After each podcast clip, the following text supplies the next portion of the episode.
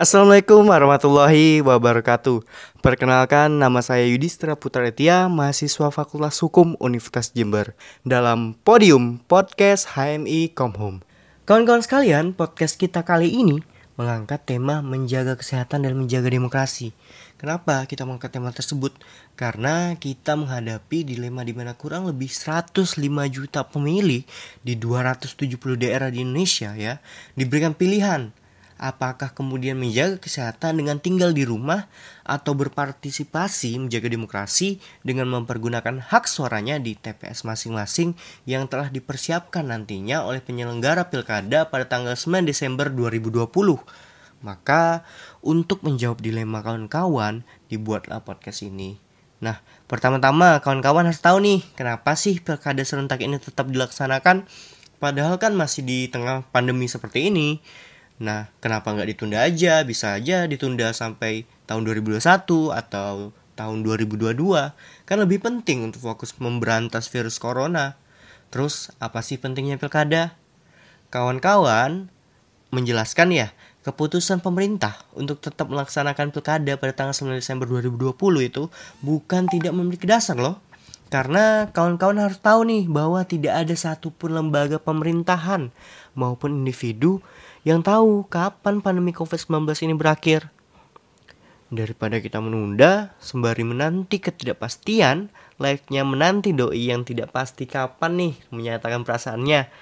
Nah, maka daripada itu dilaksanakanlah pilkada serentak pada tanggal 9 Desember 2020. Lalu alasan lainnya apa nih? Masa hanya itu saja?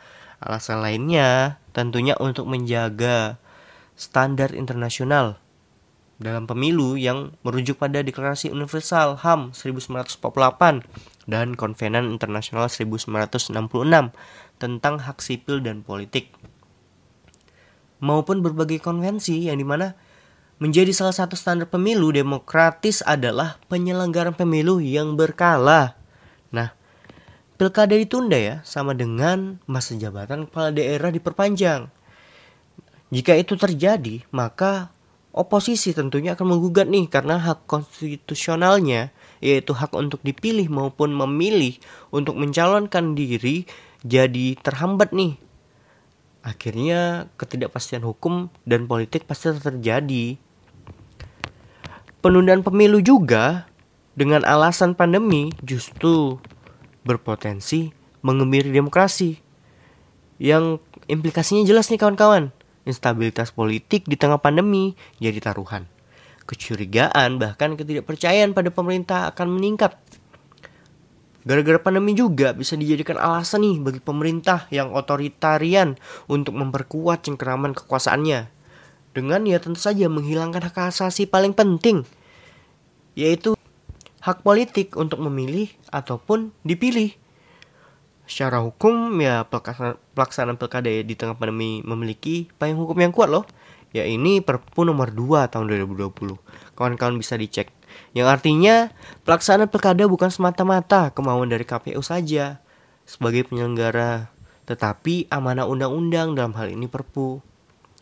Saat ini yang menjadi hal yang penting bagi kawan-kawan dan semua pemangku kepentingan kepemiluan baik penyelenggara pemilu, masyarakat sipil, pemerintah, partai politik, dan peserta pilkada saling bergandeng tangan bersama-sama melindungi kesehatan publik sekaligus menjaga demokrasi. Keyakinan bahwa pemilu adalah instrumen penting untuk memperkuat demokrasi sekaligus menegakkan kepastian hukum pemilu perlu digaungkan.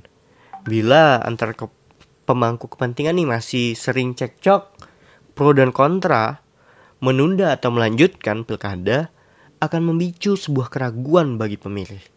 Dan tentunya ketidakpercayaan terhadap penyelenggara pemilu akan meningkat. Problem kesehatan publik dan menjaga demokrasi menjadi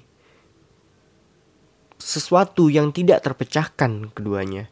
Yang ada hanya saling adu kuat argumentasi mendukung atau menolak pilkada. Nah, penyelenggara pemilu juga pemerintah, bahkan partai politik dan kandidat peserta pilkada maupun masyarakat sipil seharusnya secara kolektif sudah harus langkah lebih maju membahas bagaimana mengantisipasi potensi permasalahan yang akan terjadi. Pilkada yang demokrasi, aman dan sehat harus kita wujudkan bersama-sama. Kesetaraan kompetensi antar kandidat, pemenuhan hak pilih dan penyelenggara pemilu dengan protokol kesehatan yang ketat harus kita jaga.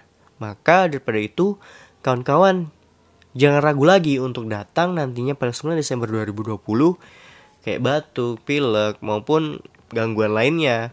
Kami juga menyediakan ruang khusus nih bagi kawan-kawan yang memiliki kebutuhan khusus. Nah, maka daripada itu, kawan-kawan, yuk kita nyoblos.